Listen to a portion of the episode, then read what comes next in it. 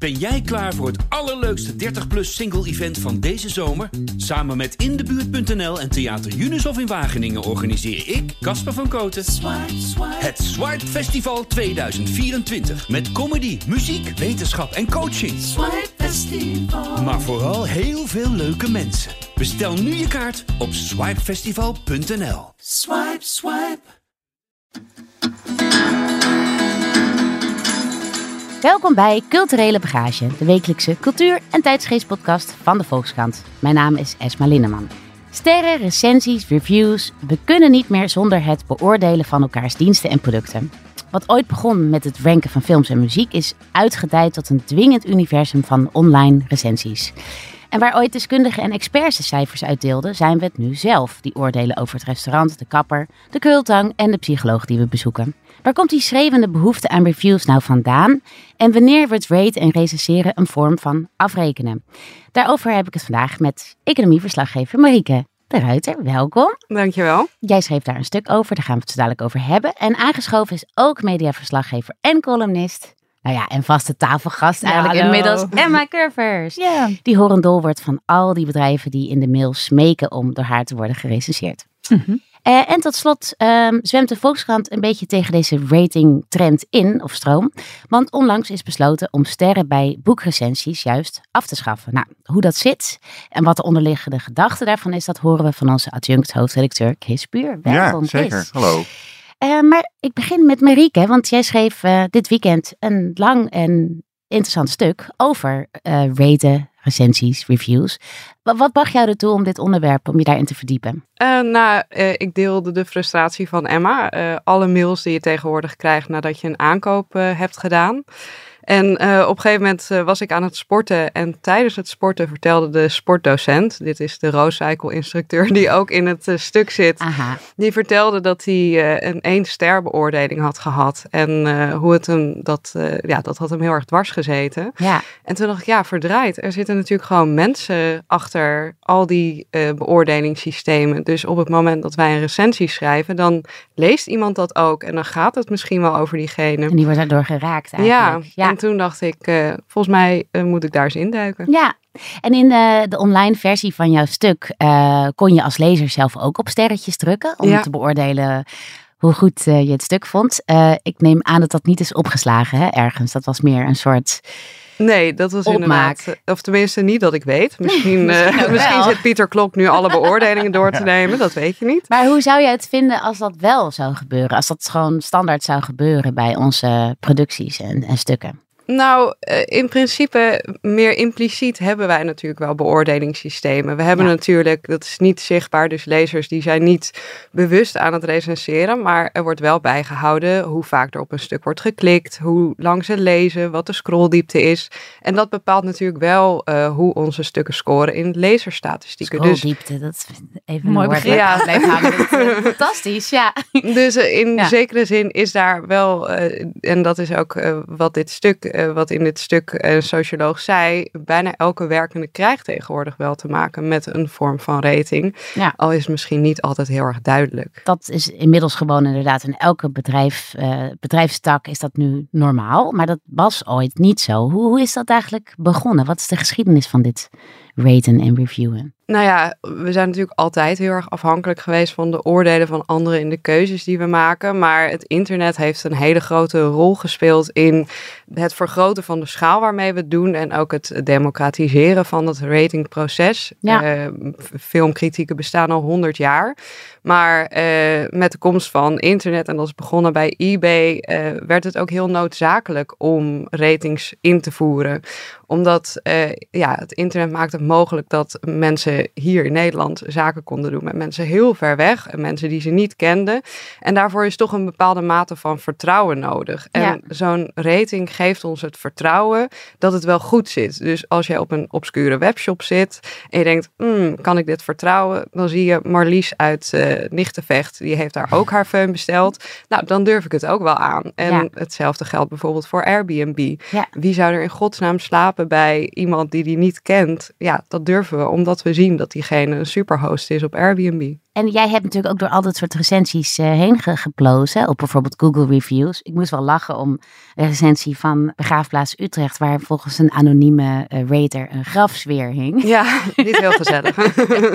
Wat waren nou de gekste recensies die je tegenkwam? Want ik bedoel, het gaat tegenwoordig overal over. Ja, ja, en, en, en ik hoorde dat Google Reviews echt een boire is aan, aan ook maffe recensies die heel persoonlijk kunnen worden. Of uh, ja, wat ja. je tegen? Nou, je hebt, uh, er is ook een Instagram kanaal dat alle recensies bijhoudt die heel opvallend zijn. Maar wat ik echt uh, een hele fijne vond, was die over de Asserbossen. Dus dat was veel bos, weinig, weinig asser. asser. Ja.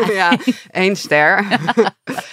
Terecht ook. Ja, Waar zijn die bedoel, assers? Als je geen asser hebt, wat zoek je dan in het Asserbos? in de, over de Noordzee was ook een hele fijne. Dat was, uh, het was te druk. De volgende keer ga ik naar de Stille Oceaan.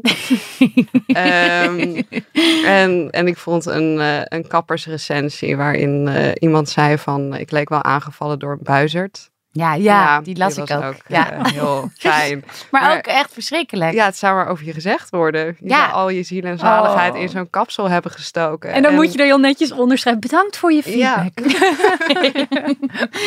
Ja, en hoe, hoe afhankelijk zijn bedrijven en ook ZZP'ers, eenpitters, want dat zijn het natuurlijk vaak ook, uh, fysiotherapeuten, kappers. Hoe, hoe, hoe afhankelijk zijn die inmiddels geworden van goede ratings? Ja, heel afhankelijk. Het is eh, eigenlijk op het moment dat je bij een restaurant bent geweest, kan je beter goede recensies schrijven dan een fooi achterlaten. Want er is onderzoek gedaan, dit was dan naar restaurants in New York door Harvard Business School. En daar zagen ze dus dat één ster 5 tot 9 procent uh, omzet kan schelen. Eén ster meer. Ja, ja. dus uh, die invloed is heel groot. Maar ook, uh, ik begreep, mijn vader is fysiotherapeut. Die moet ook ratings vragen aan zijn patiënten. En dat is weer belangrijk voor contracten met zorgverzekeraars bijvoorbeeld. En dat leidt natuurlijk dan af en toe tot pijnlijke situaties. In de zin dat je hebt een heel gesprek of een hele behandeling. waarin je misschien af en toe tegengas moet geven als je bijvoorbeeld een zorgverlener bent. Om dan vervolgens te moeten vragen, wil je mij beoordelen. Ja, dat ja. is heel ingewikkeld. En ook omdat het, het is heel publiek natuurlijk. Ja. Dus uh, ik, ik sprak een uh, vriendin van mij en zij was uh, arts. En zij vertelde dat een, uh, een patiënt van haar die had uh, enorm afgegeven op die zorgkaart. Maar ja, je kan daar als arts natuurlijk moeilijk iets tegen in gaan brengen. Want je Ja. hebt ook je beroepsgeheim. Dus je kan niet zeggen, deze persoon is knettergek. Die heb ik net met een psychose uh, opgenomen of zo.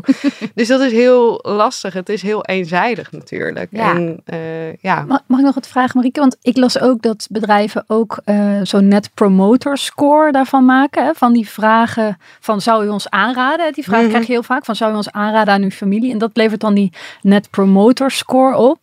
En daar zouden dan weer de bonussen afhankelijk van zijn bij sommige bedrijven. Dus van een, een juiste score, daar keren ze zichzelf dan eigenlijk geld om uit van wat hebben we het goed gedaan, toch? Ja, dat Zo kan zeker. ook, ja, er zijn ook voorbeelden van ziekenhuizen, bijvoorbeeld, dit is dan in Amerika, waarin eh, ziekenhuisbestuurders, eh, als ze een hogere tevredenheidsscore krijgen, krijgt de manager krijgt daar een bonus.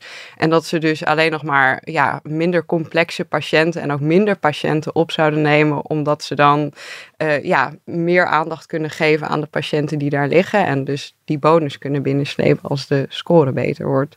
Dus het kan heel ver gaan. Het is helemaal Ja. de verkeerde prikkel eigenlijk. Ja. Eh. Hey, en Emma, jij, jij schreef een tijdje geleden ehm, een, nou, best woedende column over eh, eh, mails van bedrijven die jou smeken om eh, je te recenseren. Je had het over een gesprekje van nog, nou ja, wat was het? Met een, met een assistent om een doktersafspraak te maken. Dat duurde maar eventjes. En toen kreeg je meteen daarna. Krijg je zo'n mail. Ja. ja, Ja. ja. wat vind jij daar nou zo irritant aan? Ja, nou ja, het was een beetje mijn taak om me boos te maken in die rubriek, hè, de laat het stoppen rubriek. En ik ben ook wel een mens dat zich graag ergert, dus dat kwam goed uit. Eh, ja, ik, ik, ik, ik werd gewoon op een gegeven moment helemaal horendol. Inderdaad, heb je 20 seconden met iemand gebeld en dan moet je daar een review over achterlaten van hoe vind je dat we het hebben gedaan. Je krijgt elke dag dat soort e-mails en bedrijven zijn gewoon heel needy geworden of zo. Van wat vond je van ons? Je bent op spinningles geweest. Nou, wat vond je van de ervaring? Denk ik, jezus joh, het was een spinningles, laat me met rust. En je, je, Het je, een beetje als een slechte date die dus zit te wachten op een appje. Of ja, iedereen wil iets van jou. Ja. En het, het- ik vind het gewoon. ehm, ik vind het gewoon vervelend om het gevoel te hebben dat ik maar een soort radertje ben in dat systeem wat Marieke net omschrijft. Weet je wel, dat ik de hele tijd bezig ben met soort van orde aanbrengen in die chaos. Maar voor wie doen we dat eigenlijk? We, we, doen dat toch vooral voor die bedrijven zelf. Want de scores die het oplevert, dat stond ook heel mooi in Marieke's stuk omschreven.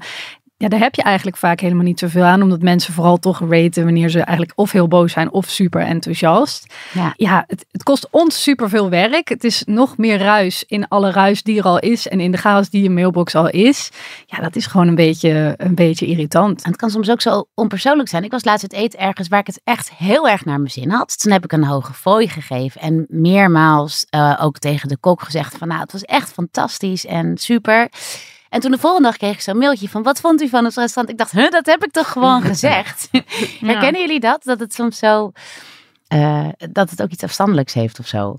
Ja, Nou, het is ook gewoon reclame. Hè? Dus ik bedoel, het is ook onderzocht. Eh, bedrijven sturen dit gewoon eh, zo'n mailtje sturen is gewoon ook een manier om weer te herinneren aan: hey, je was bij ons, wat, vond, je ervan? En op het moment dat je dan zegt: Nou, ik vond het leuk, ik vond het fijn, dan heb je zelf ook weer even die herinnering nog een keer aangemaakt van: Oh ja, het was leuk en fijn. Uh, en, en ja, ik wil gewoon ook ik wil gewoon met rust gelaten worden. Je wil weer door met je ja. Ja. ja, dat is het door. ook gewoon eigenlijk. Het ja, want ik wil net uh, spam uh, die je gewoon, ja, ik, ik, zie het eigenlijk niet eens meer. Je vult het niet in, Chris. Nou ja, alles wat je online reserveert, krijg je automatisch daarna een mailtje van, we zijn benieuwd naar je ervaring. Ja, ja, leuk, oké. Okay. ja. snap ik. maar Lees jij, Chris, veel recensies um, of ratings voordat jij gebruik maakt van een dienst of een product? Ben jij iemand die het hele internet afspeurt voor op zoek naar de perfecte pollepel? Of uh, ja, nou, als je een beetje wat duurdere aankoop doet, dan ga ik, maar dan ben ik wel gewoon benieuwd naar de Consumentenbond ja. of zo. Weet je, iemand die dat toch professioneel test. Ja. En dan nog is dat lang niet het enige criterium. Ik bedoel, dan denk ik, nou, degelijk fijn, maar het moet er ook een beetje leuk uitzien of zoiets. Of ik vind dit merk leuk, weet ik veel. Dus ik vind het, niet, ik vind het ook weer niet zaligmakend. Maar ik, ik kijk dan toch liever, geloof ik, naar, naar professionele afgewogen meningen dan ratings. Maar ja, ja, die neem je ook mee. Ja, je neemt alles een beetje mee, natuurlijk. Ja, en zo kan het soms echt een heel proces zijn, waar ik dan weer best wel een hekel aan heb persoonlijk. Oh man, soms kan je uren bezig zijn met, mhm. met, nou ja, een stofzuigerzak of zo. Nou, oh. misschien wat overdreven, maar een stofzuiger zeker, toch? Stofzuiger, stofzuiger end up. Ja, ja, ja. En ik las een stuk in de New York Times waarin die ratingcultuur eigenlijk ook wordt gelinkt aan een cultuur van het allerbeste willen. Mhm. Dus uh, er werd ook gerefereerd aan, aan Barry Schwartz, dat is een bekende econoom. Die heeft het over uh, maximizers en satisficers. En maximizers zijn mensen die gewoon, ja, die, die op zoek zijn de hele tijd naar het allerbeste, maar daardoor ook minder snel tevreden zijn en ook zelfs na aankoop nog een soort teleurgesteld gevoel hebben. Um, ja, dus, dus, wie hier is zo'n maximizer? Iemand? Oh, jij Emma, steekt je hand op, toch ja. wel? Ja, ja natuurlijk. Ja. Ook ja, als je melkopschuimer moet kopen, dan dat, daar steek ik zomaar vijf uur in in het onderzoek. dat is verschrikkelijk. Ja, dit kan, het gaat maar door. Voordat ik een keuze heb gemaakt. Maar die had je ook kunnen steken in, weet ik veel, panfluit uh, Les. Ja, niet zonde dan. had ik dat maar gedaan, denk ik dan. Maar bij mij komen er gewoon zomaar honderd uh, verschillende voorbij. En dan moet ik op Wirecutter kijken. En ook de Consumentenbond, maar ook naar de review van, van Barry. Weet je, wat vindt hij er nou van? En eh, ja, het is, het is verschrikkelijk. Maar ik, ik ben daar toch heel gevoelig voor. Mhm. Voor dat idee van al die meningen zijn out there. En, en ik moet daar iets mee. Ja, ja, zeker. En ik heb ook, eh, net als als je in een stad bent, dan een restaurant zoeken, dan alles doorgaan en dan uiteindelijk voor een restaurant kiezen en dan aan een tafeltje gaan zitten en dan toch denken, oh, dat tafeltje daar is nog beter. Ja. En daar dan op blijven azen. Dat is afschuwelijk. En wat ik me ook bedacht na het lezen van jouw stuk, is dat ik eigenlijk zelden meer naar restaurants ga die onder de 4,5 uh, uh, scoren. Ja. Uh, herken jij dat ook, Chris? Dat je daar ik kijk, ik, bij restaurants kijk ik niet naar amateurrecensies. Nee. Nee? nee. En dat komt door eens natuurlijk ooit. Oh, Waar allemaal van die lelijke dingen stonden als heerlijke wijnspijscombinaties en dat soort flauwekul. dat, ja, als jij dit een lekker restaurant vindt, dan weet ik zeker dat ik daar niet heen hoef. Dus ik, dat heb ik echt meer van, van wat je hoort zeggen of wat je zelf denkt dat leuk is. Of mensen, mensen vrienden die je vertrouwt. Of uh, in het buitenland gewoon goede media die ik, die ik dan vertrouw, waar een beetje vertrouw. Maar goed, het is toch altijd een beetje een gok. Ja. Ik ben het eigenlijk ook nooit eens met recensies van restaurants. Dus dat, uh, nee. Nee, nou ja, dat, heel goed. Dus jij vertrouwt echt op het oordeel eigenlijk van uh, de expert. Uh, ja, misschien meer. heb je daar ook wel goede reden toe. Want Marieke, uit jouw stuk bleek ook wel dat zeg maar, uh, Jan met de bed of de consument mm. eigenlijk eh, niet zo heel goed in staat is om uh, te oordelen, toch? Nee, helemaal niet. Nee, je noemde net al, of Emma die noemde dat eigenlijk de enige mensen die een recensie schrijven zijn de mensen die of een appeltje te schillen hebben met het bedrijf waar ze een dienst van hebben gebruikt, of de mensen die heel erg tevreden zijn. En dat betekent dat er heel veel vijf sterren recensies zijn en ook relatief veel één ster recensies. Um, en er wegen allemaal factoren mee die eigenlijk helemaal niet belangrijk zijn. Dus bij restaurantrecensies uh, is onderzocht dat het dus uh, heel erg wordt beïnvloed door het weer. Ja. Dus als het tussen de 21 en de 30 graden is, dan worden de beste recensies geschreven. Uh, hotelrecensies zijn weer heel erg afhankelijk van uh, uh, het gezelschap met wie we zijn. Dus de solo-reiziger is vaak ontevredener dan als je de mensen die met een partner reizen. Nou, ik sprak een professor en die had het over studentenevaluaties. Die worden heel erg beïnvloed door de gender van de docent, uh, de aantrekkelijkheid, de, de humor. voordelen. Ja, ja, dus het is, eh, er wegen allemaal factoren mee die dus helemaal niks zeggen over de kwaliteit. Ja, maar ondertussen, wat dus ook uit jouw stuk bleef, worden mensen er dus wel door geraakt. Jij sprak met verschillende, nou ja, dus je eigen Rowcycle instructeur, maar je sprak bijvoorbeeld ook met een kraamverzorgende. En wie had je nog meer ook weer gesproken? Een callcenter medewerker. Oh, een callcenter medewerker en die schetste toch een beetje een ja, een naargeestig beeld van wat die recensies allemaal een beetje kunnen doen, toch? Ja, ja. ik, ik uh, die klantenservice medewerker die vertelde echt van nou, s ochtends dan sta ik met mijn ochtendkoffie, uh, start ik mijn laptop op en dan kreeg ze dus via de mail kreeg ze de beoordelingen die klanten hadden gegeven binnen. En ze zegt ja, het kon een dag maken of breken. En die kraamverzorgende die schetst ook heel goed hoe het ertoe leidde dat ze over haar eigen grenzen heen ging. Dus dat ze ja, ze was, zei ze zelf een streber, dus uh, een voldoende was niet goed genoeg. Dus ze ging altijd voor het hoogste. Maar dat betekende wel dat ze steeds meer taken tot zich ging nemen, omdat ze gewoon maar hoopte dat ze daarmee een goede recensie zou binnenslepen. Ja, ja, toen moest ze zelf de bank, uh, de, de, bank optillen om daarachter te stofzuigen en allemaal dat soort dingen die een kraamverzorgende eigenlijk niet hoeft te doen. Hè? Nee, nee, nee. En toen heeft ze ook gezegd van, nou, dat doe ik niet. En toen kreeg ze inderdaad een onvoldoende. Dus oh. dat was heel verdrietig. Ja, je hebt er natuurlijk nooit om gevraagd. Om op die manier, je wordt kraamverzorger. Je hebt nooit gevraagd om, ik word nu een soort van in zo'n systeem gezet. En, uh... Nee, nee, zij deed dat omdat ze een passie ervoor had en mensen wilde helpen. En uh, ja, dan is het natuurlijk heel uh, jammer als je baas besluit dat hij ja, een oogje in het cel wil houden met zo'n systeem. Hebben jullie zelf wel eens slechte recensies gegeven of ratings bij bedrijven of instanties waar jullie ja. niet tevreden Sowieso, over ja. Oh ja. ja. Nee, ik ook niet. Nee. Is je bent heel goed afveilig. Ja, ja, sorry, het Heel onthecht, maar op een goede manier. Heel onthecht, ja. Het heeft met mijn hechtingsproblematiek te maken, maar daarover later. ja, en maar in welke... Want ik heb daar toch wel schroom voor. Ik was laatst, uh, was mijn kapsel bijvoorbeeld helemaal verpiept door een, uh, een hele jonge kapper ook. Um, toen heb ik het uiteindelijk wel op Instagram geplaatst. Maar gewoon mijn frustratie moest ik even uiten. En toen belde ik ook de kapper uh, om te vertellen dat ik heel ontevreden was. En toen had ik uh, al snel door dat ik haar zelf aan de telefoon had. Weet je, dus ik, oh ja, um, jij was het hè? Ja, nee, dat klopt. En, oh nee. Mm. En toen vroeg ik later, toen ik bij de kapper langs van wat vond je ervan, van zo'n telefoontje? Dus ja, nou, ik heb toch wel een hele slechte dag ervan gehad en zo. En toen realiseerde ik me weer van, ja, oké. Okay, er zit natuurlijk, er zit gewoon altijd een mens achter. Maar dat is het toch ook? Ja, als je een hele grote bedrijf hebt, dan heb ik, zou ik er niet zo moeite mee hebben. Dat doe ik in de krant ook wel eens. Ja, Om, om gewoon daar iets scherps of gemeens over te zeggen als dat, als dat waar is. Maar zeker kleinere ondernemers, dat vind ik zo, dan vind ik het zo'n weerzinwekkend machtsmiddel om dan in het openbaar, hmm. wat ook iets heel lafs heeft, inderdaad, bel, bel inderdaad zoals jij doet, bel dan gewoon op of, of eh, los het op met de ondernemer als je denkt, uh, dit moet beter. Maar ja, ik weet niet, die rol van in het openbaar mensen gaan waarschuwen voor deze persoon die gewoon een eenpersoons inkomen heeft.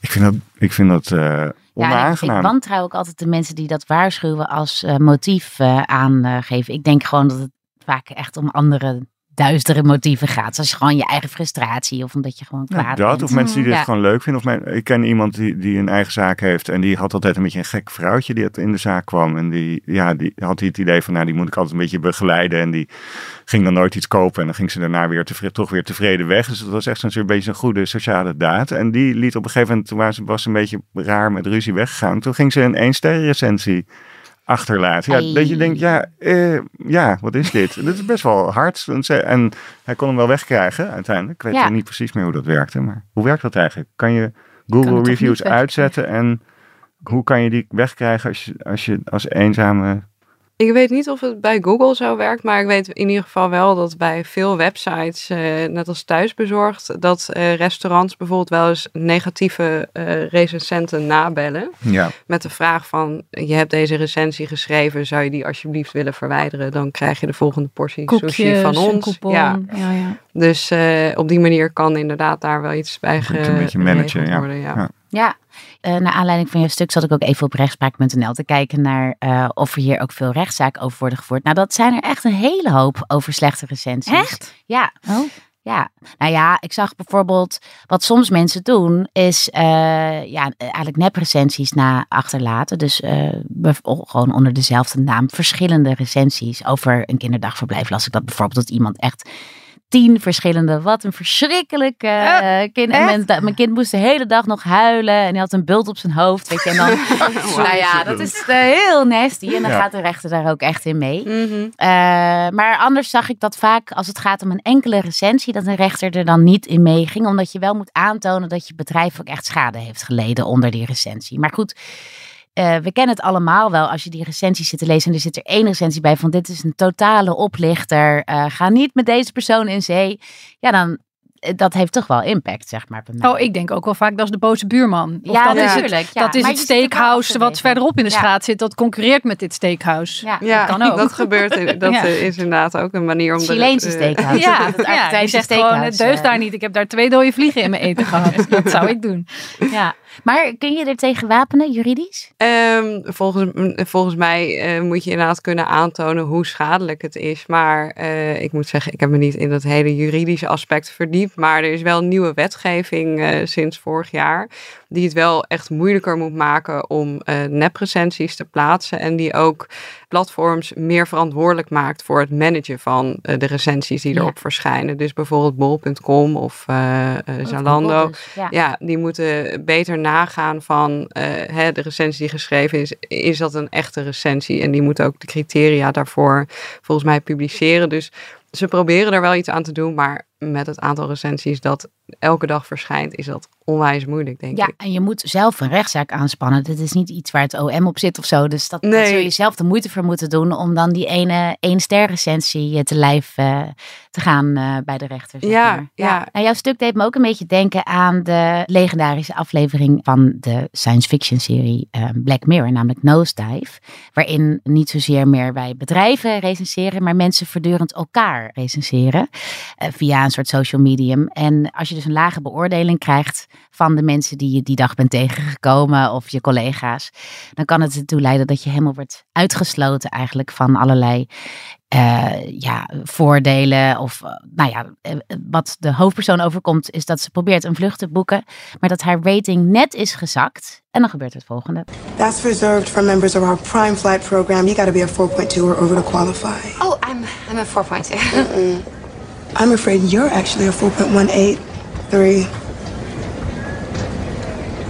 Oh. Well, that's not my fault. Um, some woman dinged me down in the couch. Can't you just... I'm sorry, it won't let me book it without the correct ranking. But it's so close. There's just nothing I can do. Christ, I mean, surely. I'm gonna have to ask you to moderate your language then.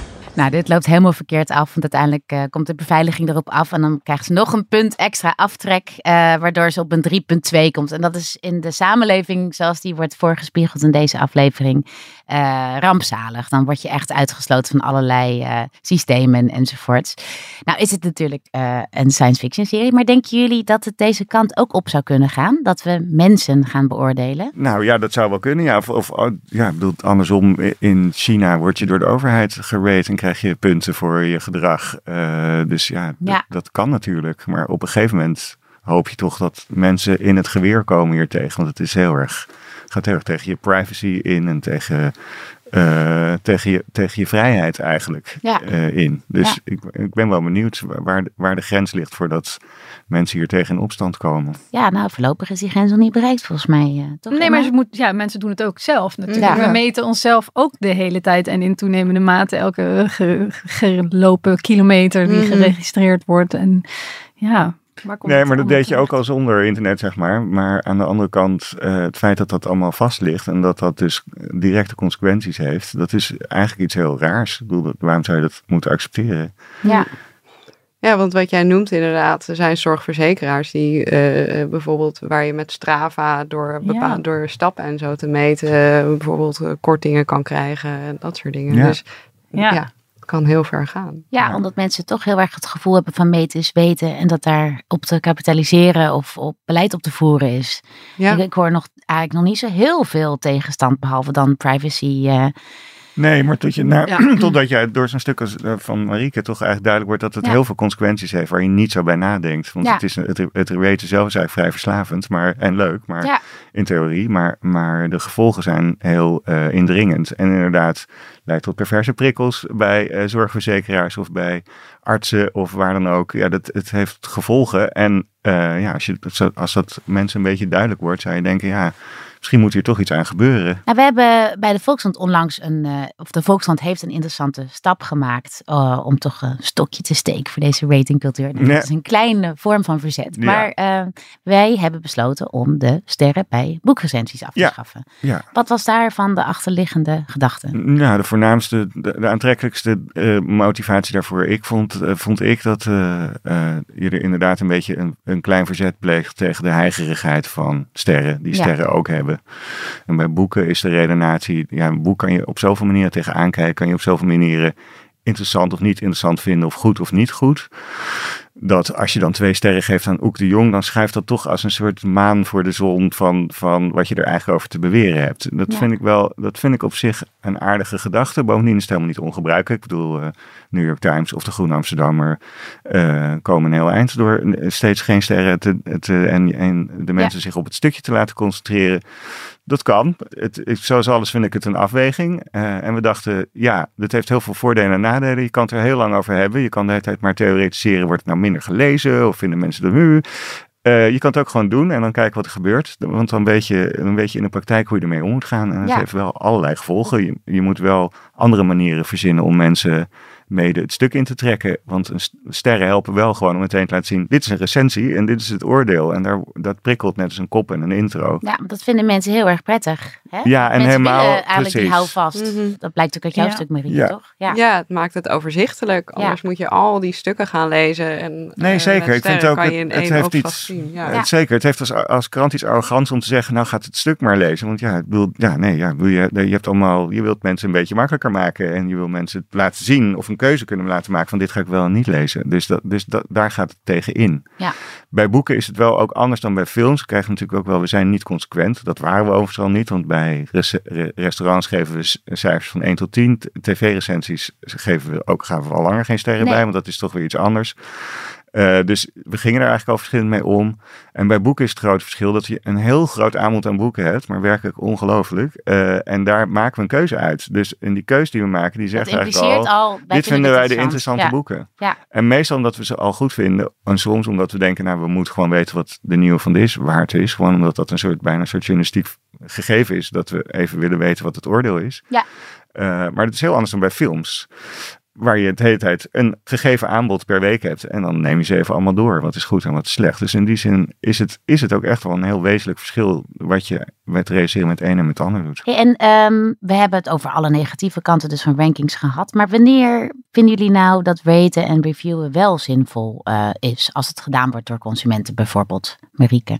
Nou, ik denk eigenlijk dat het best wel raakt aan wat Chris zei. Dat de kwalitatieve uh, toelichting nog best wel iets kan zeggen. Ja. Meestal uh, uh, als je door de recensies heen gaat, die sterren, die zeggen niet zoveel. Maar je kan wel de recensies lezen en denken, oh, dit is de persoon die vindt dezelfde dingen belangrijk in een restaurant als ik. Ja. En daar aan dat oordeel heb ik daadwerkelijk iets. Dus in dat opzicht ja, kan het natuurlijk wel. Een Zou het eigenlijk handig zijn als iedereen die sterren zou opgeven en gewoon alleen maar moeite moet doen om te beschrijven wat de ervaring zelf was, misschien. Nou, ik denk dat je daarmee wel een beetje dat afrekenen weg kan halen. Want het is wel heel makkelijk om één ster te geven. Ja. En, het, uh, ja, en het dwingt de consument ook om zich echt iets meer te verdiepen dan alleen maar te kijken naar heeft dit tentje een 4,8 of een 4,7. Ja, oké, nou dank jullie wel voor jullie komst naar de studio.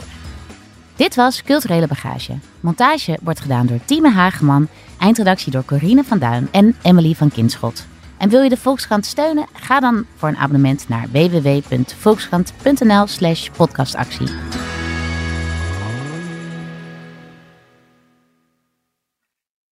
Ben jij klaar voor het allerleukste 30-plus single-event van deze zomer? Samen met Indebuurt.nl en Theater Unisof in Wageningen organiseer ik, Casper van Koten, het Swipe Festival 2024. Met comedy, muziek, wetenschap en coaching.